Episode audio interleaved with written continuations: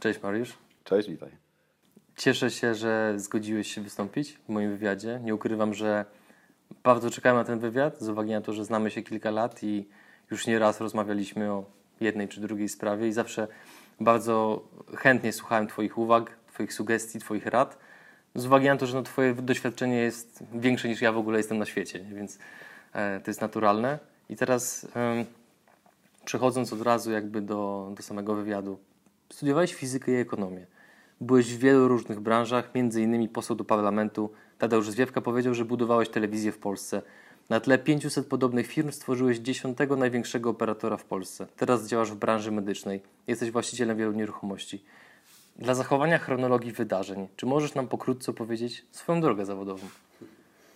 No, moja droga zawodowa zaczęła się bodajże w Ogólniaku, kiedy em, potrzeba, sytuacja zmusiła mnie do tego, żebym znalazł sposób, jak zarobić na wyposażenie do górskich wędrówek. Plecak, buty, dobre spodnie, kurtka. I wtedy właśnie pierwszy raz w życiu, mm, poza drobnymi epizodami typu wakacyjna praca gdzieś tam u rolnika, żeby zarobić na podróży autostopem po Polsce, wtedy właśnie po raz pierwszy podszedłem do tego tak na poważnie i postanowiłem coś zrobić, żeby móc zarabiać pieniądze. E, Kupiłem z oszczędności, moja mama gromadziła mi na książeczce oszczędnościowej jakieś tam drobne środki co miesiąc. Pamiętam bardzo poważną rozmowę, kiedy no, udało mi się wymóc na mojej mamie zgodę na likwidację tej książeczki i za oszczędności kupiłem wyposażenie ciemni fotograficznej. Robiłem zdjęcia. Robiłem zdjęcia szkolne, klasowe, takie pamiątkowe, tak zwane tablo. E, Miałem dobre relacje z nauczycielami, więc miałem również e, łatwą drogę do tego, żeby pozyskać takie zlecenia. Tylko powiedz, dlaczego ciemnia akurat? No jakby no to nie jest taki chyba najpierwszy oczywisty wybór pierwszego czy drugiego nastolatka, że założyć ciemnię. E, Większość rzeczy, o których będziemy rozmawiali, działa się w ubiegłym wieku. To dość dawno. Akurat ta historia, ta historia to są lata 70. E, Wówczas e, zrobienie zdjęcia, wywołanie go i przyniesienie do domu kawałka papieru, na którym uwidoczniliśmy sobie jakieś pamiątkowe wydarzenia, było naprawdę dość trudne i skomplikowane.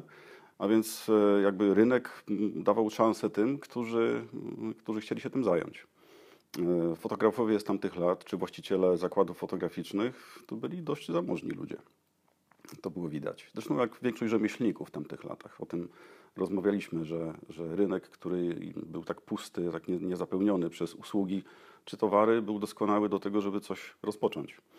E, No i ta ciemnia, moja prywatna mała ciemnia w pokoju, w którym normalnie na co dzień mieszkałem, pozwalała mi spełniać moje jakieś potrzeby, bez proszenia kogokolwiek o pomoc.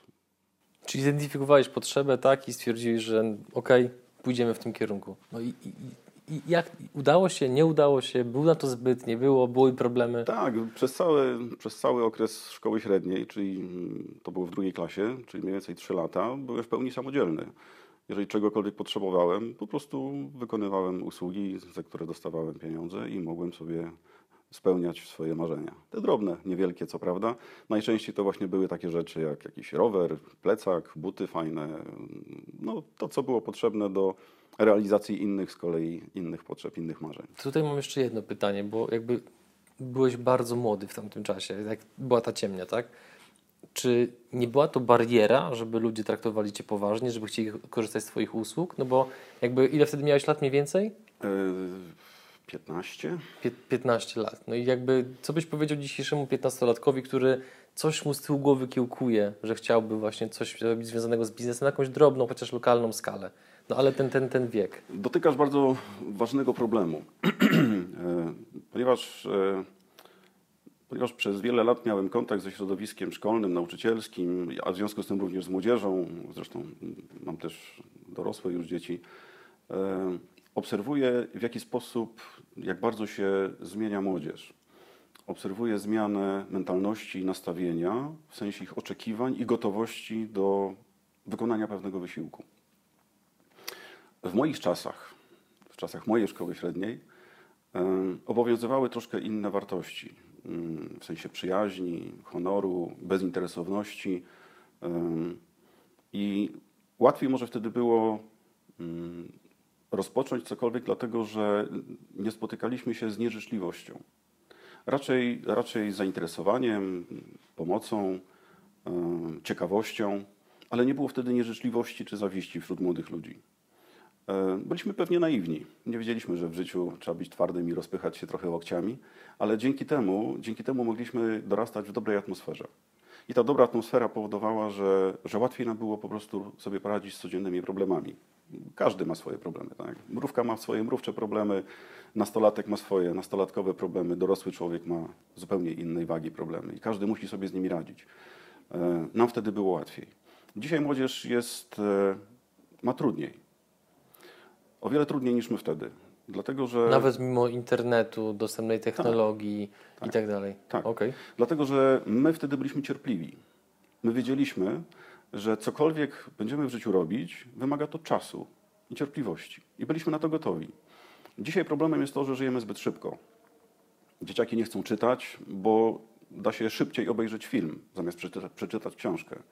Dzieciaki nie chcą czekać na mm, efekty treningu, tylko łykają jakieś dziwne anaboliki. Niepotrzebnie.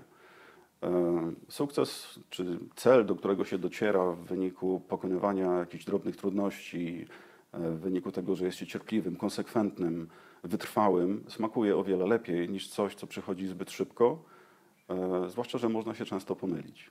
I chyba to jest ta największa różnica między dzisiejszą młodzieżą, taką 15-17-latkową, a tą sprzed lat.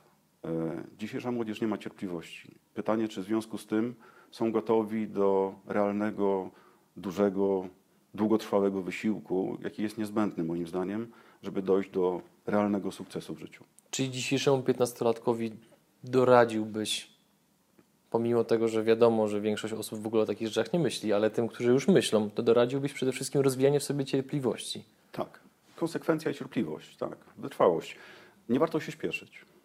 W życiu jest wystarczająco czasu na to, żeby dojść tam, gdzie się zaplanuje. Najważniejsze to mieć ten plan. Najważniejsze to mieć cel, do którego się dąży. Jeżeli nie nauczymy dzieciaków tego, żeby się zastanawiały nad tym, co chcą w życiu robić, dokąd chcą dojść, co chcą osiągnąć, to, to nie będą wiedziały, że trzeba to robić. Więc naszym zadaniem dorosłych jest pokazanie im myśl o swojej przyszłości, planuj ją i mimo trudności nie zrażaj się, idź w tym kierunku. To nie jest łatwe, ale nie ma innego wyjścia. Zgadzam się, absolutnie. Wracając do tej chronologii wydarzeń, powiedziałeś o tej ciemni. Co było po ciemni? No, po szkole średniej trafiłem na studia, to też e, fizyka, jak już mówiłeś. E, Ciekawa rzecz, 81 rok, strajki, więc moje studia zaczęły się w dość ciężkich warunkach. E, zwłaszcza, że mm, nie byłem przyzwyczajony do systematycznej nauki. W szkole średniej miałem po prostu zbyt łatwo. Byłem na tyle oczytany, że radziłem sobie z większością przedmiotów humanistycznych, a z matematyki, no cóż, wystarczyło przysiąść na 2-3 tygodnie, żeby opanować cały materiał, na przykład z trzeciej czy czwartej klasy. E, Taki to poziom trudności po prostu, tak? Kiedy jest się w tej szkole i wydaje się, że to jest takie wszystko strasznie trudne i skomplikowane, to ciężko wziąć się do pracy, ale kiedy patrzysz na to z pewnej perspektywy, uświadamiasz sobie, że to była zabawa. To była tak naprawdę Rozgrzewka. rozgrzewka, to była łatwizna. W ogóle nie warto było się tym przejmować. Wystarczyło po prostu się skupić na tym, co jest do zrobienia. I wtedy, i wtedy wszystko było proste. Co Więc dalej? Na, na, studiach, na studiach zetknąłem się już z realnym wysiłkiem, który wymagał rzeczywiście trochę pracy. I nie ukrywam, że zajęło mi trochę czasu, zanim się udało mi do tego wdrożyć i przyzwyczaić. E, No ale tak się stało, że, że po trzecim roku zostało nas na fizyce około 20 z 60 osób, które zaczynały. To jeszcze wtrącę. Powiedz mi, no bo e, to nie jest raczej pierwszy i oczywisty wybór każdej osoby po szkole średniej, że idzie akurat na fizykę. No umówmy się, to nie jest jakoś super porywający i atrakcyjny przedmiot. Co zdecydowało, że ty poszedłeś na fizykę akurat? Jest, fizyka jest porywającym i atrakcyjnym przedmiotem. Okej, Natomiast rozwiń. e, co spowodowało to, że, że trafiłem akurat na studia właśnie tam. E, Błysnąłem kiedyś na lekcji fizyki. Pan kurator przyszedł wizytować naszą panią nauczycielkę, której jestem niezmiernie wdzięczny za dużo cierpliwości dla, dla nas, dla mnie i moich dwóch kolegów, z którymi byliśmy dość kłopotliwymi uczniami często. Nie było łatwo, Nie, rozumiem. nie było łatwo nauczycielom z nami, tak. W każdym razie błysnąłem na jakiejś lekcji, y, odpowiadając na jakieś podobno trudne pytanie, y, czym zdobyłem sobie sympatię nauczycielki i od tej pory y, uparcie wmawiała mi, że ja muszę pójść na fizykę. Ponieważ nie miałem wcześniej jakichś bardzo sprecyzowanych planów, wiedziałem tylko, że warto dalej się uczyć, uległem jej sugestiom i faktycznie wybrałem fizykę. Nie żałuję, bo to było fajne doświadczenie. Co prawda mm, miałem być nauczycielem fizyki, życie zweryfikowało te plany, y, ale nie żałuję. Tak, to, to było na pewno bardzo ważne, y, pouczające dla mnie doświadczenie i myślę, że mm, jeżeli się zastanowię, to wiele razy w życiu skorzystałem z tego, że czegoś mnie te studia nauczyły. Niekoniecznie jeżeli chodzi o fizykę, bo z fizyki jako takiej być może w życiu zbyt często nie korzystam, może czasami na siłowni, ale generalnie, generalnie jakby była to lekcja również charakteru, niewątpliwie tak. Tak, już jesteśmy przy tym temacie studiów, y, bo teraz często toczy się taka dyskusja, że nie wiadomo, czy warto iść na studia, czy może od razu podjąć pracę. Jeżeli już ktoś się decyduje, żeby pójść na studia, to według Ciebie co on w tych studiach powinien robić? Jak powinien ten czas wykorzystywać, żeby wyciągnąć możliwie jak najwięcej dla siebie? Opowiem Ci pewną historię. E, na fizyce poznałem kolegę Jacka, mm, z którym zaczynaliśmy w 1981 roku. E, Jacek miał pewne problemy z zaadaptowaniem się do tego rygoru, jaki panował na fizyce. Był bardzo inteligentny, radził sobie. Był synem rolników, takich prawdziwych, tradycyjnych rolników na jakimś dużym gospodarstwie. E, pamiętam zresztą do dzisiaj jego piękny wiersz, który napisał swego czasu o ziemi, którą jego dziad uprawiał, jego ojciec uprawiał, a którą on zdradził i poszedł na studia. E, Jacek wyleciał w którymś momencie, chyba na drugim albo trzecim roku, nie, nie był odpowiednio zdyscyplinowany, ale po drodze utworzył hurtownię, firmę, do dzisiaj jest właścicielem potężnej, bardzo dobrze działającej firmy, e, doskonale zarabiającej, funkcjonującej na technologicznym rynku. I kiedyś zadałem mu pytanie, czy brak studiów ci nie przeszkadza w tym, że prowadzisz taką firmę? A on mówi, nie przeszkadza mi. Ja zatrudniam profesorów. I odpowiadając na Twoje pytanie, jeżeli ktoś ma ambicje i jasno określony cel, nie powinien dać się zatrzymać. Jest mnóstwo okazji czy rzeczy po drodze, które będą nam przeszkadzały w dotarciu do celu. Mnóstwo. Od drobnych przyjemności typu piwo z kolegami, mm, typu jakaś impreza, typu smartfon albo gierka komputerowa. Mnóstwo rzeczy będzie nam przeszkadzało w tym, żebyśmy konsekwentnie szli drogą do celu. Droga może być kręta, ale cel musi być wyraźnie widoczny.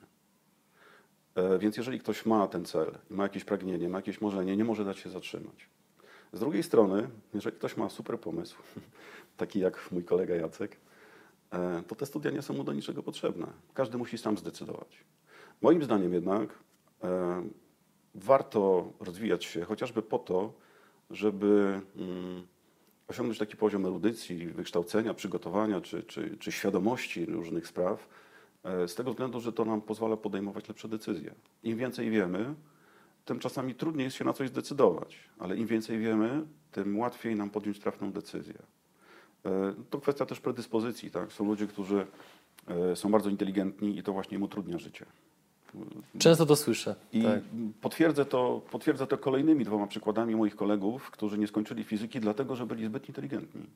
Nauka przychodziła im zbyt łatwo. Brali książkę, przewracali ją w ten sposób, szli na egzamin i wychodzili z czwórką. Niemożliwe. Ale tacy ludzie byli. Ja, żeby dostać tą czwórkę, musiałem przynajmniej tydzień ciężko posiedzieć nad danym przedmiotem. Więc e, w moim przypadku było to już przygotowanie do tego, żeby po prostu ciężko pracować, tak? żeby być gotowym do jakiegoś poświęcenia, do rezygnacji z wolnego czasu, rezygnacji z piwa, rezygnacji z poleżenia na kanapie po prostu musiałem pracować. Czyli studia uczyły cię wytrwałości. Tak. Jakby utrwalały to, co już wyniosłem z domu. Mój ojciec nauczył mnie tego, żeby, żeby być gotowym do pewnych wyrzeczeń czy wysiłku. Czyli w ogólnym rozrachunku warto iść na studia? Tak. Nie warto, czy Zdecydowanie. to jest sprawa indywidualna? Zdecydowanie. Rozwój, studia jako takie, e, znowu, to jest kwestia kontrowersyjna i pewnie nie powinienem jej oceniać. E, nie mam aż takich kompetencji, żeby oceniać poziom studiów ale doradzałbym wszystkim młodym ludziom rozwagę przy wyborze uczelni, przy wyborze kierunku, e, bo czasami lepiej i łatwiej e, zdobyć jakąś wiedzę mm, nie idąc na studia, a faktycznie wdrażając się bardzo mocno w jakiś temat. Tak? Dzisiaj liczy się e, dogłębna znajomość, specjalizacja jakiegoś wąskiego obszaru. To jest o wiele bardziej cenne niż ogólna wiedza, która w decydujących momentach może się okazywać niewystarczająca. Moje pokolenie raczej powinno się wykazywać, e, czy w tamtych czasach, powinno się, czy miałoby się wykazywać właśnie taką ogólną erudycją. E, To nam bardzo pomagało znaleźć się w różnych sytuacjach, chociażby w rozmowach z nauczycielami o tym, żebym mógł robić zdjęcia. Natomiast e, dzisiaj, dzisiaj trzeba być specjalistą, niewątpliwie. A zatem warto dogłębnie poznać jakiś temat i być w tym najlepszym na świecie. To jest gwarant sukcesu. Dobrze się rozmawia, więc nie dziwi mnie to, że po raz kolejny zboczyliśmy troszeczkę z wątku. Była fizyka, co po fizyce? Już w trakcie studiów y, rozpocząłem pracę. Mm, No, trochę życie mnie do tego zmusiło, ale podjąłem pracę w spółdzielni studenckiej w Małgosi. Ci, którzy studiowali na UMK wiedzą o czym mówię. Piękna, piękna praca. Y, Oczywiście znowu wymagająca dużo samokontroli i dyscypliny i ci, którzy byli zorganizowani właściwie, naprawdę mogli dobrze zarabiać i dobrze funkcjonować. E, Wcale nie kosztem studiów. No, w moim przypadku było to trochę kosztem studiów, ponieważ specjalnie nie śpieszyłem się, żeby ukończyć studia, by, by, by dłużej móc, móc pracować w spółdzielni studenckiej. Natomiast po paru latach mm, też poprzez namowę kolegów, poprzez jakby zachętę ze strony paru moich e, kolegów, z którymi wcześniej pracowałem, utworzyłem, otworzyłem własny zakład elektroinstalacyjny, rzemieślniczy. Też była skomplikowana droga. Jako niemalże absolwent fizyki y, potrzebowałem wykonać jakieś kursy zawodowe dla robotników wykwalifikowanych, żeby zdobyć uprawnienia elektryczne, no ale to wszystko to były jakieś tam drobne techniczne warunki, które na końcu umożliwiły mi utworzenie zakładu elektrycznego, instalacyjnego i przez kolejnych tam, dwa lata, mniej więcej półtora roku do dwóch lat mm, pracowałem już na własny garnuszek, od, absolutnie od początku do końca, w dość trudnych warunkach politycznych i ekonomicznych, bo byłem wtedy tak zwanym prywaciarzem. No właśnie, i tutaj ja muszę Ci przerwać, bo kurczę, to pytanie mi się po prostu krąży po mojej głowie od kilku minut. Nas, moje pokolenie, w szkole uczono tego, że jak był socjalizm, no to generalnie za bardzo nie było własności prywatnej, jakiegoś biznesu i tak dalej. A z Twojej opowieści, to ja mam przynajmniej takie wrażenie, że te możliwości były, bo była i ta ciemnia, i potem powiedziałeś, że założyłeś właśnie swój zakład i tak dalej. To jak to w końcu było naprawdę? No bo zakładam, że te czasy raczej nigdy nie wrócą, więc ten wywiad też jest w pewien sposób robiony dla potomnych, żeby się nie uczyli o tamtych czasach tylko z książek, ale też od e, osoby, która w tamtym czasie żyła, wychowała się, pracowała i tak dalej. Jak to było z tym biznesem? Był czy nie był? Polska to dziwny kraj. Oczywiście oficjalnie mm, nie można było e, za bardzo chwalić własności prywatnej. E, W oficjalnej polityce ówczesnych rządów czy partii e, chwaliło się czyny społeczne, klasę robotniczą i tego typu hasła. Natomiast realnie w Polsce była na tyle istniejąca wolność gospodarcza, że ci, którzy mieli odpowiednią odporność psychiczną, byli w stanie funkcjonować. Problemem były relacje z Urzędem Skarbowym, gdzie tak jak sobie żartowaliśmy, od progu trzeba było wchodzić na kolanach, żeby podejść do biurka i coś tam załatwić i nie wyjść e, z- z jakimiś problemami. E, To oczywiście trochę przesada, bo byli różni ludzie w tych urzędach, ale generalnie taka atmosfera pracowała. Tak zwani prywaciarze czy badylarze byli piętnowani i zresztą do dzisiaj tak naprawdę, e, kiedy z kimś rozmawiam i rozmawiamy o pracy i on mówi, że pracował u prywaciarza, uświadamiam sobie, że to pejoratywne skojarzenie funkcjonuje do dzisiaj u ludzi, którzy bardzo często nawet nie pamiętają tamtych czasów. Więc to jest przekazywane, nie wiem, w genach, rodzice opowiadają. Szkoda. Dlatego, że właśnie ta inicjatywa, mm, inicjatywa ludzi, y, którzy mieli do wyboru iść do pracy za jakieś tam rozsądne pieniądze, bezpieczne, co miesiąc, y, pozwalające utrzymać y, niemalże darmowe mieszkanie, pozwalające kupić niemalże darmową żywność i ubranie z dzianiny. No, to były te realia, które powodowały, że wielu ludzi wybierało właśnie takie poczucie bezpieczeństwa. Natomiast dzięki tym wszystkim ludziom, którzy w tamtych czasach y, podejmowali jakąś inicjatywę, myślę, że właśnie był stworzony doskonały fundament do tego, żeby po 1989 roku polska gospodarka eksplodowała. czyli ta samodzielność, inicjatywa ludzi związana z przedsiębiorczością e, miała solidne podstawy i już jakieś doświadczenia. Trudne czasy zahartowały społeczeństwo, tak? Problemem jest tylko to, że mm, była to ogromna szansa dla Polaków, aby powtórzyć troszeczkę model niemiecki. Dzisiejsze największe koncerny niemieckie wyrosły z, z firm familijnych, rodzinnych, stworzonych jakieś 100-150 lat temu. E, oczywiście nie da się tego do końca powtórzyć. Świat jest inny. Ale tak naprawdę fundament pod rozwój polskiej przedsiębiorczości, pod rozwój polskiego biznesu został stworzony w tych dziwnych, trudnych dla niektórych czasach realnego socjalizmu. I 89 rok był, był taką eksplozją wolności gospodarczej. Zresztą kilka największych firm polskich powstało w tamtych czasach, tak? chociażby od e, butów sprzedawanych na łóżkach i, i, takich innych, powiedzmy, tego typu pomysłów. A więc, a więc to zadziałało. To zadziałało i mm, gdyby nie późniejsze ograniczanie wolności gospodarczej, wdajemy się trochę w politykę, może nie powinienem, ale, ale rzeczywiście taki powinien z tego być wniosek.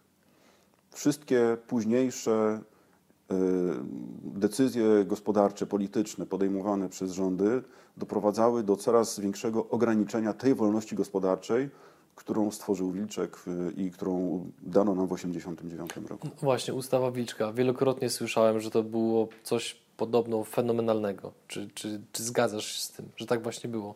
Tak, y, troszkę, troszkę mi to przypomina model amerykański, czyli wszystko, co nie jest zabronione, jest dozwolone. I- w takich warunkach ludzie mogli funkcjonować, mogli tworzyć swoje firmy. E, Naiwnością jest e, sądzić, że to państwo stwarza najle, najlepsze firmy, że, że to państwo się o nas zatroszczy. No, jak to ktoś ładnie powiedział, państwo, żeby nam dało, musi najpierw nam zabrać. Komu ma zabrać? No przedsiębiorcom. Niestety tak to funkcjonuje i nie mam nic przeciwko podatkom. Podatki są konieczne. Ten system w jakiś sposób się sprawdził. Widać to po najlepiej rozwiniętych państwach świata. Ale niestety wszystkie decyzje, które były podejmowane później, po roku 90, doprowadzały do stopniowego ograniczenia tej wolności gospodarczej. A więc ta nasza gotowość do tego, żeby zrezy- zrezygnować z wygodnego życia, z, z życia rodzinnego, bezpiecznej pracy, na rzecz pewnego ryzyka, jakie podejmowaliśmy, y, zostało po prostu zbyt mocno stłumione. Dobrze, to teraz poruszyliśmy bardzo poważne tematy. E, znowu, wróćmy do zakładu. Był zakład i co dalej?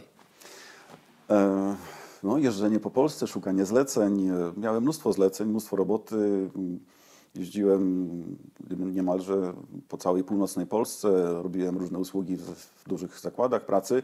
To były cudowne czasy, ponieważ obowiązywały budżety, tak zwane budżety, czyli zakłady pracy musiały wydać pieniądze na określone cele, na przykład remontowe. Słowo musiały jest słowem kluczem, tak? Tak jest, dokładnie tak. Po prostu w zakładzie były pieniądze do wydania, nawet kiedy nie było realnej potrzeby na to, żeby na przykład odnowić elewację, e, odmalować jakąś suwnicę albo wykonać remont instalacji elektrycznej. Więc w tych czasach e, zjawienie się w takiej firmie i zaoferowanie głównemu mechanikowi czy elektrykowi wykonania usług e, no było, było prościzną. Tak? Po prostu wystarczyło być odpowiednio aktywnym, szukać takich miejsc, żeby mieć pracę. Czyli oni wręcz czekali, aż Tak. przyjedziesz. Dokładnie tak. W wielu miejscach tak było.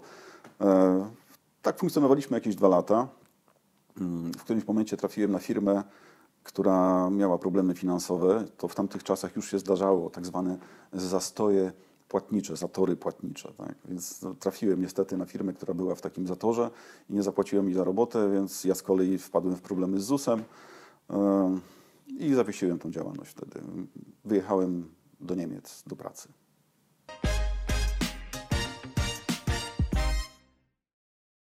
Niemcy. Co działo się w Niemczech? O, wyjechałem do Niemiec znając trzy słowa. E, coś w rodzaju pewnie Guten Tag, Guten Abend i Danke, Schön. A nawet chyba bez Schön. E, w ciągu tygodnia znalazłem mieszkanie, w drugim tygodniu znalazłem pracę. E, pracowałem w fabryce na trzy zmiany. Później pracowałem na taksówce, nauczyłem się języka na tyle, że zdałem wymagane egzaminy, uprawnienia zdobyłem i jeździłem taksówką. To też ciekawe doświadczenie. Na początku, to było ciekawe, na początku powtarzałem wszystkim, że nigdy nie wrócę do Polski. Mm, Różnica, którą zobaczyłem i odczułem w poziomie życia, w takim stabilności, komforcie, jakości życia była tak duża, że przez pierwsze pół roku rzeczywiście nie myślałem o tym, że wrócę do Polski. Ale potem, mm, potem e, pojawiła się myśl, że to jest nieuniknione, że wrócę, że to tylko kwestia czasu. Wtedy właśnie pierwszy raz sobie uświadomiłem, że, że człowiek tak jak drzewo ma korzenie, że nie da się nas do końca przesadzić. To miejsce, w którym wzrastamy, nasz rodzinny dom, miejsce, w którym mieliśmy przyjaciół szkolnych, późniejszych, to, to wszystko nas mocno kotwiczy w życiu i determinuje nasze decyzje. No i wróciłem. Wróciłem do zupełnie innego kraju. Wróciłem w roku 90. Wyjechałem z głębokiego socjalizmu, a wróciłem do kraju ogarniętego rewolucją gospodarczą. Nie byłem wtedy absolutnie świadomy tych wszystkich szans, bo nie byłem na bieżąco z żadnymi informacjami. No i zjawili się u mnie moi koledzy, którzy złożyli mi doskonałą ofertę, koledzy ze studiów. E, Doskonałą ofertę stwierdzili, że Można zrobić lukratywny biznes, można tak? zrobić największy biznes na świecie. Dzisiaj też jest pełno takich kolegów. Tak, oczywiście, tak, zgadza się. E, Ten biznes e, swoją drogą miał realne podstawy. Był genialnym pomysłem. Mianowicie chodziło o dojrzewanie bananów w roku 90. E, Była wówczas, jeżeli była, to była tylko jedna firma w Polsce, która się tym wtedy zajmowała. Mm, Ponieważ no, nie było wtedy takiego dostępu do, do informacji, nie było internetu, jedyne rzeczy, to mogły, jedyne informacje mogły pochodzić, nie wiem, z encyklopedii wydanej 5 lat temu albo 10, albo z gazet. Więc oczywiście nie miałem do końca orientacji w tym, o czym mi chłopaki opowiadają, ale sam pomysł mi się spodobał na tyle, że oczywiście wyłożyłem swoje oszczędności z Niemiec. Ym, no i na tym się to skończyło. Gdyby moi koledzy faktycznie zrobili to, o czym mówili, gdyby faktycznie podjęli działania, pewnie mielibyśmy ciekawą firmę. A ponieważ oni skusili się na łatwe pieniądze, skończyło się tym, że ja musiałem po prostu zrezygnować z jakiejś części moich oszczędności, e, a oni dalej pozostali bez pomysłu na życie w tamtym momencie. Mm, No, czas pokazał, że, że pomysł był dobry.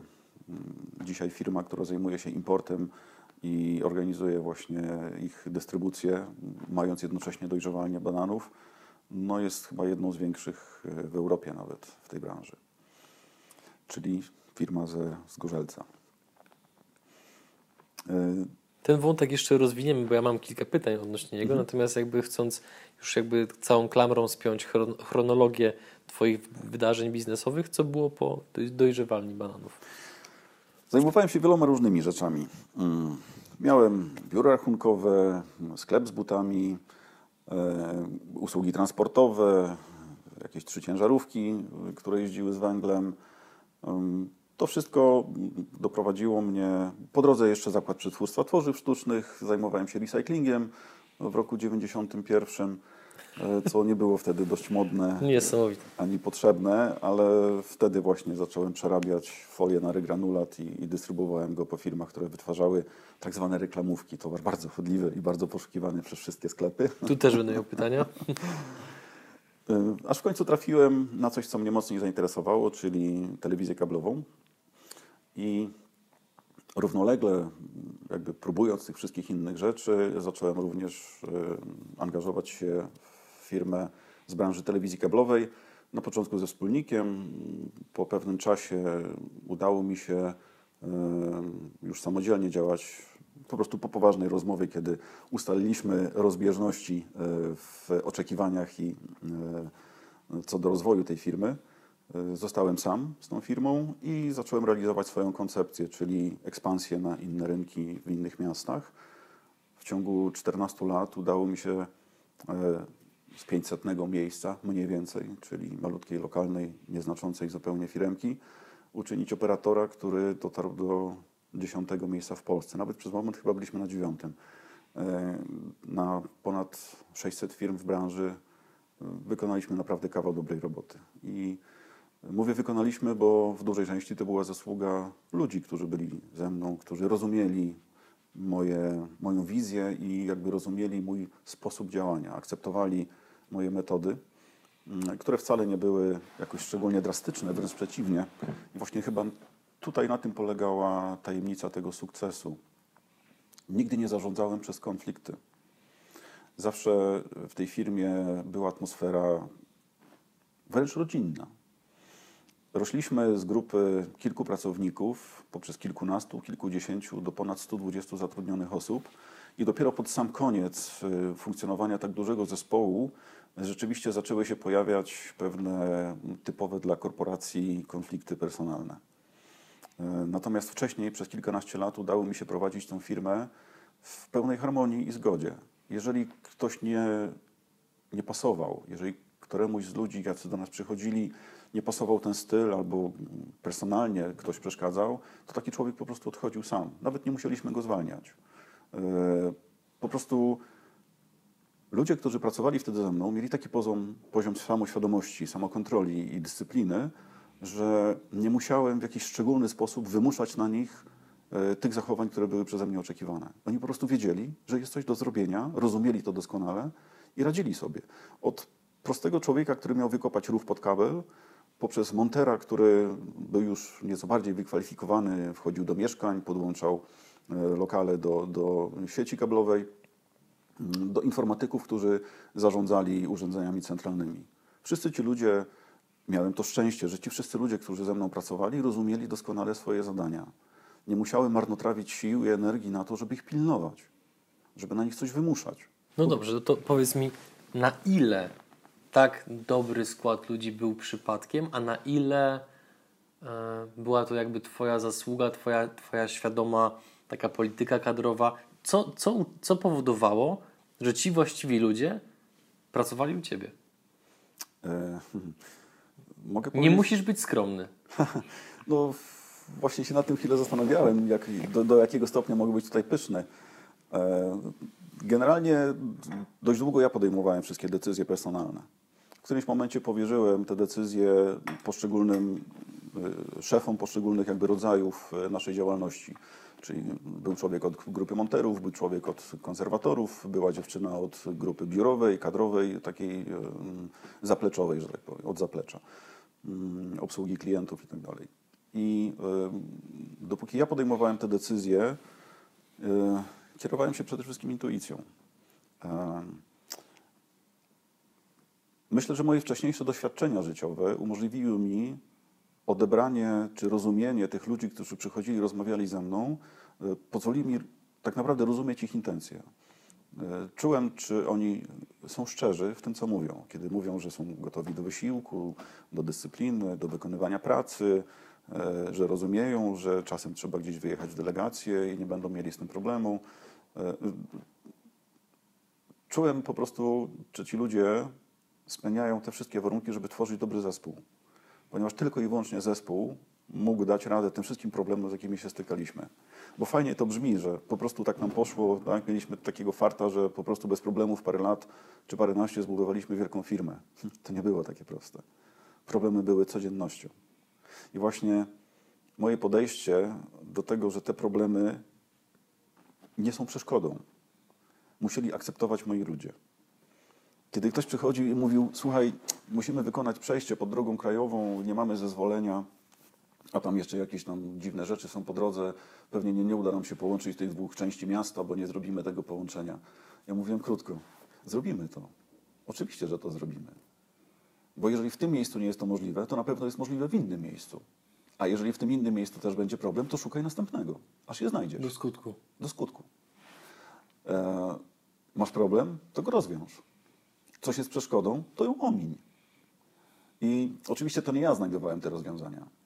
Muszę się przyznać, że to, je, to nie ja w tym momencie szedłem w teren i szukałem miejsca, w którym możemy zrobić to przejście. Ty Albo to, nadawałeś kierunek. to nie ja jakby mówiłem informatykom, w jaki sposób mają zorganizować obsługę klientów, żeby wszystko działało.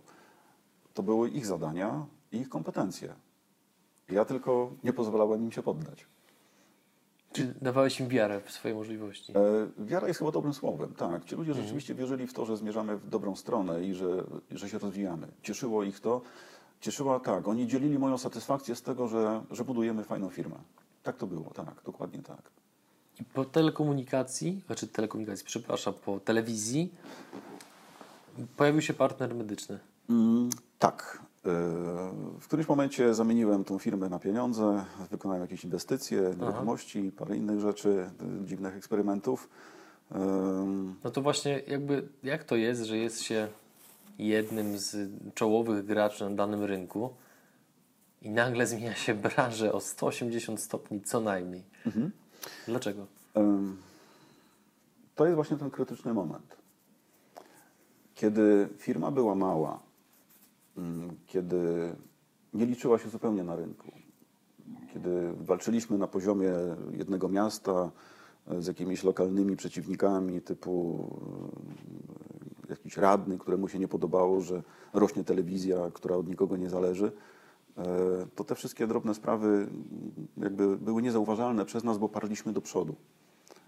Nie, nie patrzyliśmy na ryzyka, podejmowaliśmy trudne decyzje, ryzykowne bardzo. Kilka razy było tak, że, że szliśmy po krawędzi z decyzjami inwestycyjnymi, ale to była jedyna droga, żeby się rozwinąć. E, Podejmowaliśmy duże ryzyko, bo wtedy było jeszcze mało do stracenia.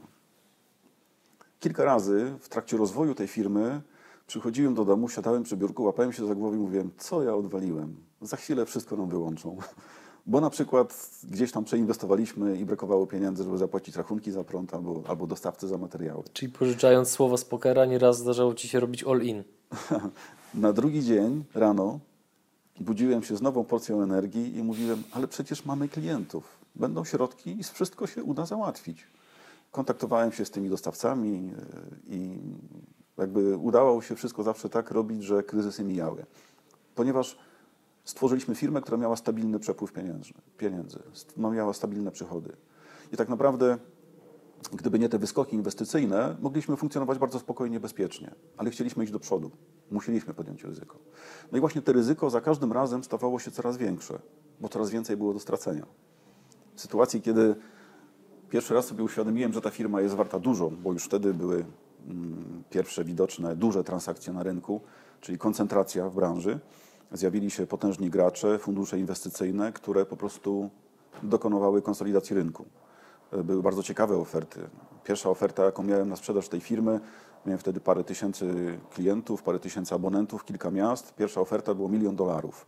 Pięknie brzmiało, milion dolarów. Dzisiaj nawet pięknie brzmi. E, no tak, ale to jest trochę. około 4 milionów złotych. Oczywiście. No więc W tamtym na- czasie to też ten milion dolarów znacznie więcej był wart. Milion dolarów znacznie lepiej brzmiał niż 4 miliony złotych. Od tego zacznijmy. Natomiast realnie dzisiaj to oczywiście jest mnóstwo pieniędzy. Ale właśnie z drugiej strony to nie jest dużo pieniędzy, jeżeli mówimy o inwestycjach. Zakopanie 4 milionów złotych w ziemi jest bardzo proste, zapewniam Cię. Zrobiliśmy to średnio 10 razy w ciągu całej historii firmy. firmy. Natomiast y, uświadomiło mi to niestety, niestety, że firma jest dużo warta. I w miarę pojawiania się kolejnych ofert dotarło do mnie, że ryzyka, które podejmuję, są na tyle istotne, że któregoś dnia mogę, mogę to stracić. E, uświadomienie sobie, że posiadasz coś, co jest dużo warte, staje się obciążeniem. W momencie, kiedy w głowie była tylko entuzjastyczna wizja rozwoju, myśl, że to jest wszystko zabawa, że to jest e, przygoda, że jest fajnie pojechać do kolejnego miasta, dokonać jakichś kolejnych decyzji, porozmawiać z prezesem, z mieszkańcami spółdzielni, z jakąś konkurencją, która tam na miejscu funkcjonowała i pokonać to wszystko i zbudować tam sieć, e, wprowadzić swoje usługi, to wszystko było fajną zabawą. W momencie, kiedy zacząłem traktować to bardzo serio, w momencie, kiedy te dziwne oferty uświadomiły mi, że to jest potężny majątek, e, poczułem się tym obciążony. W którymś momencie do tego stopnia, że postanowiłem to sprzedać. Tak właśnie zrobiłem. Z powodu tego obciążenia, które nie, jakby już nie, Tak. nie, nie, jakby nie zachęcało i nie pozwalało ci gdzieś tam swobodnie ryzykować i tak dalej?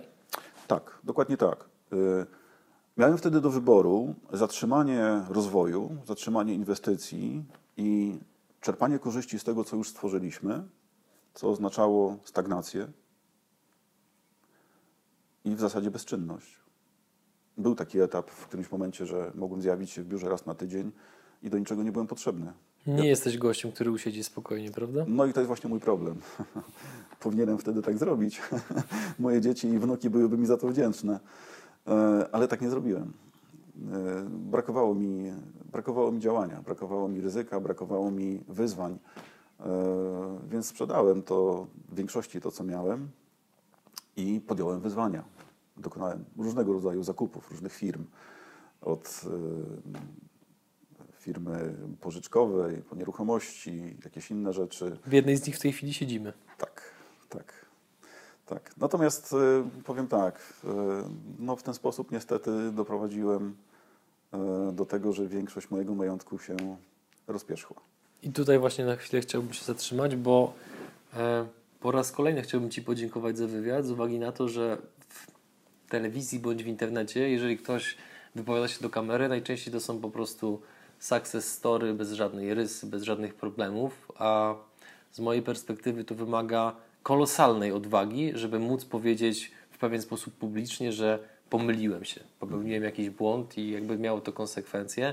Więc tym bardziej ten wywiad dla mnie, mam nadzieję też, że dla oglądających będzie niesamowicie cenny, bo nie, nie zawsze, nie często ma się możliwość porozmawiania z kimś, kto naprawdę doświadczył, co to znaczy życie. Więc tutaj tylko tak chciałem wtrącić po prostu. Tak, no życie daje fajne lekcje. Niektóre są bardzo bolesne, inne bardzo kosztowne. Moje były dość kosztowne. Pytanie, czy mm, faktycznie, czy nauczyłem się już na tyle, że dla pewności nie będę powtarzał tych błędów z przeszłości. Mam nadzieję, że już nie będę ich powtarzał. Natomiast To jak tu jesteśmy już przy błędach, to powiedz mi, czy moglibyśmy znowu chronologicznie przejść od Twoich pomyłek, pomyłek bądź lekcji na wczesnym etapie jakby Twojego życia zawodowego aż do dnia dzisiejszego, tak po kolei, jakby co to była za pomyłka, czego się z niej nauczyłeś? Mhm, e, generalnie i moje co dość- było jej przyczyną, też ważne. Generalnie przez większość życia y, zdobywałem różnego rodzaju doświadczenia, nie miałem problemu z komunikatywnością, z komunikacją z ludźmi, nawiązywałem mnóstwo fajnych relacji z bardzo skrajnymi osobami, od ćpunów do kujonów. y, Nie miałem nigdy problemu w tym, żeby zawiązywać jakieś nowe znajomości czy przyjaźnie i, i generalnie dobre relacje z ludźmi. E, Radziłem sobie z różnymi problemami, które były dla mnie tylko co najwyżej drobnym kłopotem, a nigdy przeszkodą nie do pokonania. E, Natomiast e, wszystkie te moje doświadczenia mm, nie nauczyły mnie jednej rzeczy: ostrożności wobec ludzi, nieufności. E, Gdybym był nieufny, gdybym był ostrożny albo po prostu rozważny, e, uniknąłbym wielu problemów, które w tamtym czasie spowodowałem i których skutki w jakiś sposób trwają również do dzisiaj.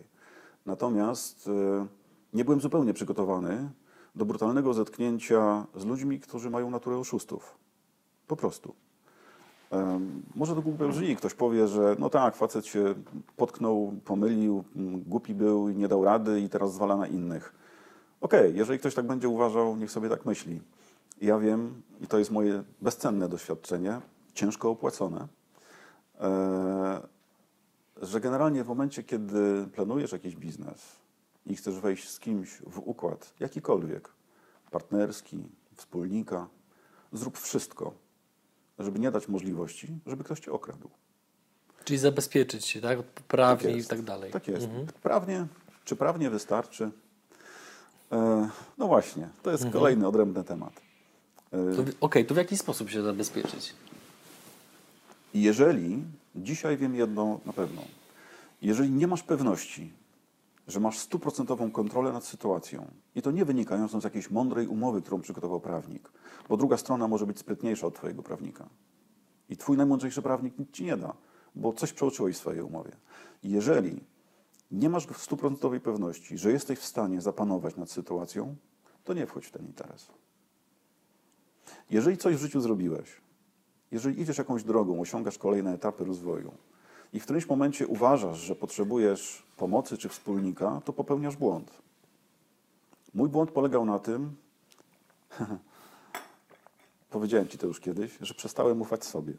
Tak, to zdanie mi strasznie zapadło w pamięć, bo jakby tu też jakby wtrącę, obecnie mówi się, że jak powiedzmy się doświadcza jakichś problemów czy trudności, bądź jest niejasna sytuacja, to że za wszelką cenę trzeba przejść naprzód, niezależnie od tego, co się dzieje, a jakby Twoje doświadczenia mówią, że czasami po prostu warto się zatrzymać na nieokreśloną ilość czasu, tak długo, aż jakby z powrotem usłyszymy ten wewnętrzny głos.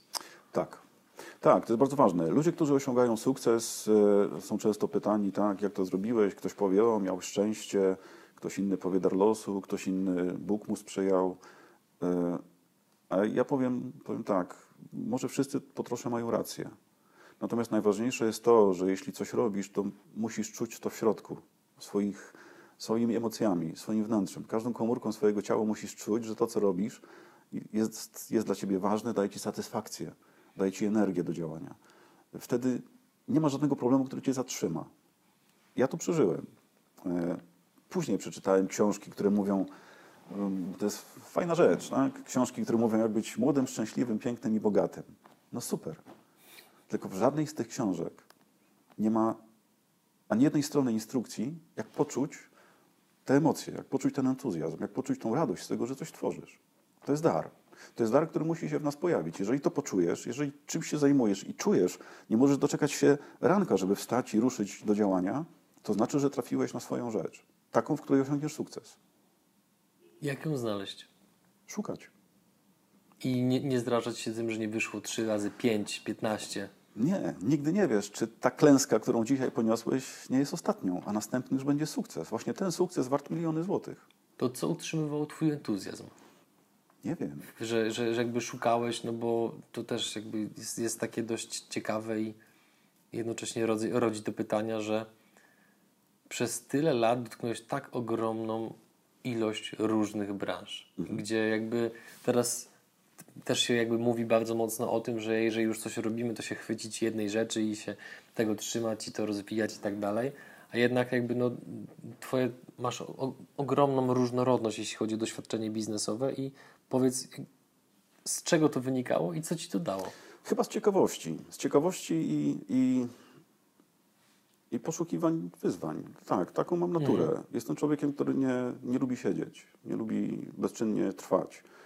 E, lubię działanie, lubię wyzwania, ale znowu, jeżeli zapytasz się, jak to zrobić, żeby takim być, nie wiem. Może, może jakiś psycholog by wyjaśnił, tak? W dzieciństwie jakieś potrzeby, tak? Jak chciałem mieć mały rowerek, to musiałem coś zrobić, żeby go dostać, tak? Albo jak mm, chciałem się pobawić z kolegami, to musiałem pokonać jakiś płot. Nie wiem. Czy każdy biznes, w którym ty byłeś zaangażowany, to powodował, że rano dosłownie wyskakiwałeś z łóżka? Każdy, czy nie, Nie. każdy? Nie, nie każdy. To- Właśnie, nie. Właśnie te doświadczenia, tak, przeżyłem to dwa razy w życiu i te dwie rzeczy, nawet jedną z nich już opisałem. Em, Teraz jestem na etapie drugiej e, i czuję to samo, co no, 20 lat temu. Więc myślę, myślę że, że trafiłem właśnie znowu na coś fajnego, na coś, co dało mi szansę realizacji tych wszystkich moich pomysłów, planów i przed, przede wszystkim siebie. Czyli dla, dla- jasności, tą pierwszą była telewizja, a teraz jest y, medycyna. Medycyna szeroko rozumiana, partner medyczny, tak. Czyli to, co w tej chwili, to, czym się w tej chwili zajmuję, tak.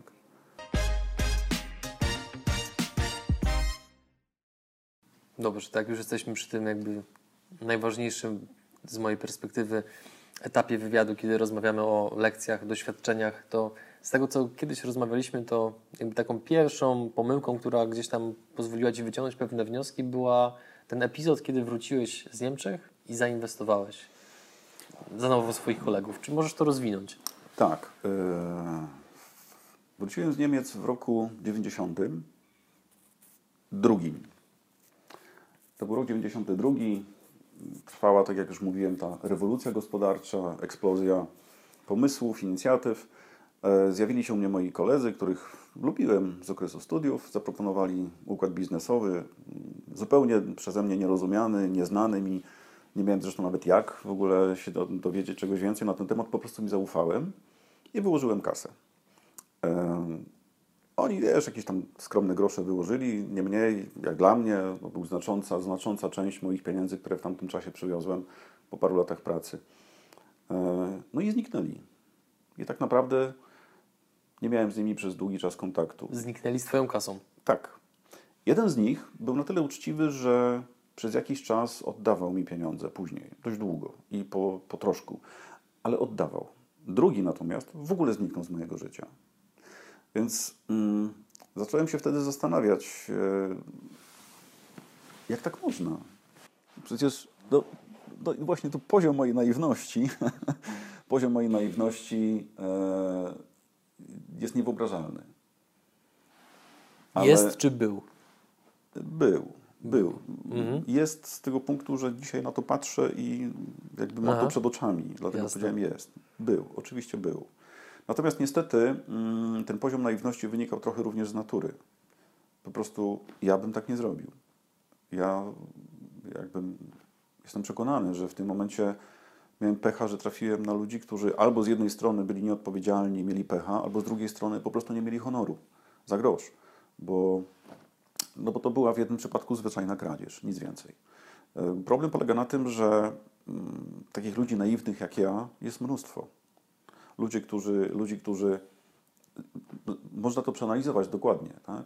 Czy zwyciężyła wtedy we mnie chęć łatwego zarobku, czyli pazerność? Czy byłem pazerny w tym momencie, ponieważ uwierzyłem moim kolegom, że w łatwy sposób zarobimy kasę.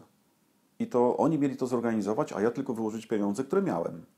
Więc ich zdobycie jakby nie było dla mnie zbyt wiele warte. Po prostu już je miałem. Więc ten pieniądz nie przedstawiał dla mnie zbyt dużej wartości. I to jest pierwszy sygnał ostrzegawczy. Jeżeli czujesz, że pieniądz nie ma dla ciebie wartości, jesteś podatny na błędy. Szanuj to, co masz. Obojętnie, co to jest. Czy to jest tylko szczoteczka do zębów, którą ładnie odłożysz do kubeczka w łazience, żeby się nie szlajała gdzieś tam po blatach? Czy jest to pieniądz, czy jest to jakiekolwiek urządzenie czy narzędzie, które używasz do pracy? Szanuj to, ponieważ e, nasz majątek składa się z tych drobnych rzeczy. Oczywiście nie można być sknerą, bo, bo sknera ma jeszcze większy problem. Mm, sknera jest jeszcze bardziej podatny na błędy właśnie przez swoją pazerność. E, popełnia wtedy mhm. po prostu makabryczne błędy. Tak? Ale, ale z drugiej strony nie można być nonszalanckim i rozrzutnym, bo to też prowadzi do katastrofy. Krótko mówiąc, jest potrzebny zdrowy rozsądek. Nic więcej. Mi zdrowego rozsądku w tamtej sytuacji zabrakło, bo być może nie, nie czułem tego, że jestem pazerny, i wygodny i leniwy i chcę wykorzystać moich kolegów do tego, żeby dla mnie zarabiali kasę. Ale dałem się skusić. Nie myślę, żebym miał wtedy złe intencje. Wręcz przeciwnie. Cieszyłem się, że zrobimy jakiś fajny biznes, że będę pracował z moimi kolegami, których lubiłem z wcześniejszych lat. Byłem po prostu naiwny. Naiwność dopisałbym do listy grzechów głównych. Naiwność jest takim samym grzechem jak nieuczciwość. Prowadzi do takich samych nieszczęść. Co to znaczy zdrowy rozsądek? Jak w tamtej sytuacji byś postąpił inaczej, biorąc pod uwagę Twoje dzisiejsze doświadczenia i wiedzę? Przede wszystkim najważniejsze jest to, żeby nie angażować się w sprawy, których się nie rozumie.